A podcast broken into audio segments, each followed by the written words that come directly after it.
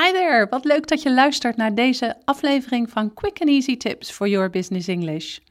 Het thema van vandaag is het leiden van een Engelse vergadering. Vergaderen in een andere taal gaat toch even net iets anders dan vergaderen in je eigen taal. En als je zo'n Engelse vergadering moet leiden, is het belangrijk dat je dit zo effectief mogelijk doet.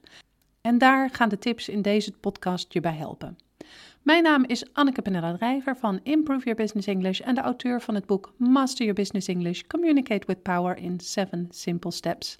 Ik help ondernemers en doelgerichte professionals van hun middelbare school Engels af, zodat ze ook internationaal met impact en vol zelfvertrouwen in het Engels kunnen communiceren.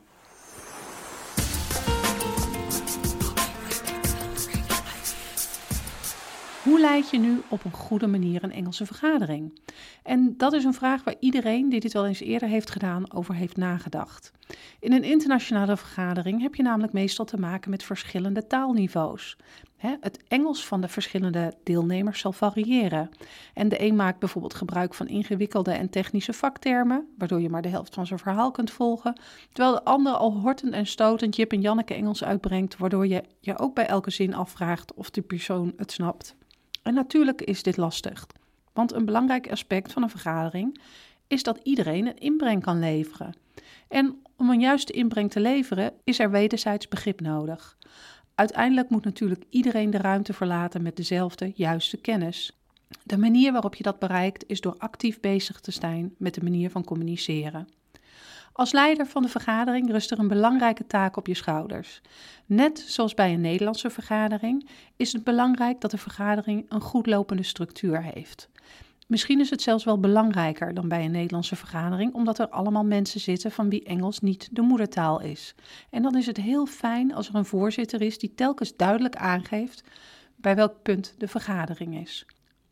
Om structuur aan te geven kun je bijvoorbeeld starten met the first thing, zoals in de zin The first thing we need to discuss is how we're going to attract more online traffic to our website. Als het punt afgesloten is, zijn er verschillende manieren om aan te geven dat je naar het volgende punt gaat. Ik geef je twee voorbeelden. The second item on the agenda is the evaluation of last week's fundraiser. En het tweede voorbeeld is Let's move on to the next topic naast het aangeven wanneer je naar een volgend punt gaat, is het ook belangrijk om duidelijk aan te geven of een punt afgesloten is of niet. Als je het gevoel hebt dat de bespreking van een punt afgelopen is, kun je zeggen: Before we move on, I think we should summarize our decisions. Zo vat je alle kernpunten nog één keer samen. Als je het idee hebt dat een onderwerp afgerond is terwijl er nog enkele cruciale zaken besproken moeten worden, kun je iets vragen in de trant van: I'm sorry, but I don't believe we have discussed all aspects of this issue yet. What is, for instance? Ten slotte wil je ook graag aangeven wanneer een onderwerp afgesloten is. Dit kun je doen op de volgende manieren. De eerste is: We've spent too much time on this issue, so we'll leave it for now. De tweede: I believe we've spent enough time on this topic. Shall we move on? En tot slot: We're running short on time, so I suggest we move on to the next item. Als leider van de vergadering moet je er ook voor zorgen dat er beslissingen worden genomen, waarbij iedereen de kans heeft gekregen om zijn of haar mening te delen. Vooral in een internationale vergadering kan het nog wel eens gebeuren dat mensen niet direct iets zeggen als ze iets vinden, omdat ze bijvoorbeeld eerst moeten nadenken over hoe ze iets in het Engels zeggen. Daarom mag je het in een Engelse vergadering ook op je nemen om mensen beurten te geven. Hoe je anderen om een mening kunt vragen, doe je bijvoorbeeld als volgt. Why don't we ask Sarah to analyze the cost implication further? I believe you have a good point. Ned, would you like to add something to this idea?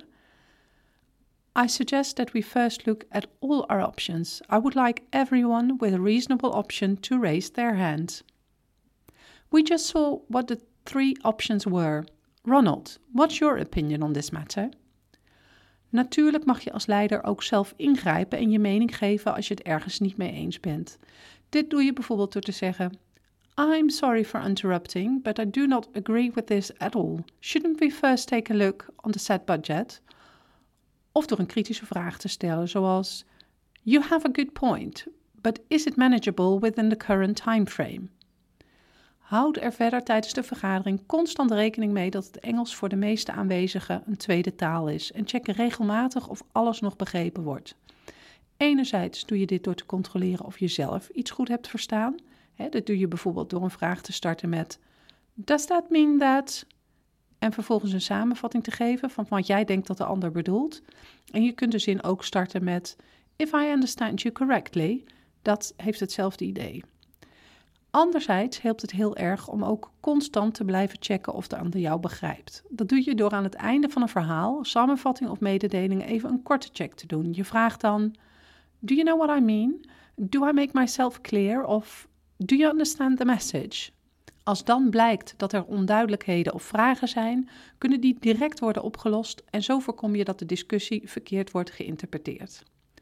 Goed, het is tijdens een Engelse vergadering dus vooral belangrijk om heel duidelijk te blijven. Dit hangt niet alleen af van de structuur, maar het is vooral belangrijk dat je tussendoor peilt of iedereen elkaar begrijpt. En dan komt tot slot het einde van de vergadering, waarin je de vergadering mag afsluiten. En dat kun je op de volgende manier doen. Je vraagt eerst of er nog opmerkingen, toevoegingen of vragen zijn door te zeggen: Does anybody have anything else to add? En als er vragen zijn, behandel je deze natuurlijk. En als er uiteindelijk geen vragen meer zijn, zeg je: Then I think we'll wrap this meeting up. En vervolgens geef je informatie over de notulen. The minutes from this meeting will be posted as of Tuesday morning. En tot slot kun je altijd aanbieden om eventuele vragen te beantwoorden met: Feel free to send me an email if you have any questions about the topics we discussed today. Dit waren ze, mijn tips voor jou als je een Engelse vergadering moet leiden. Binnenkort zal er ook een podcast verschijnen waarin we naar jou kijken in de rol van deelnemer aan de vergadering, dus niet als voorzitter. Als je daar benieuwd naar bent, abonneer je dan op deze podcast of download het whitepaper Hoe kom je deskundig en professioneel over in het Engels en waarom middelbare school Engels niet voldoet op onze website www.improveyourbusinessenglish.nl. See you next time met quick and easy tips for your business English.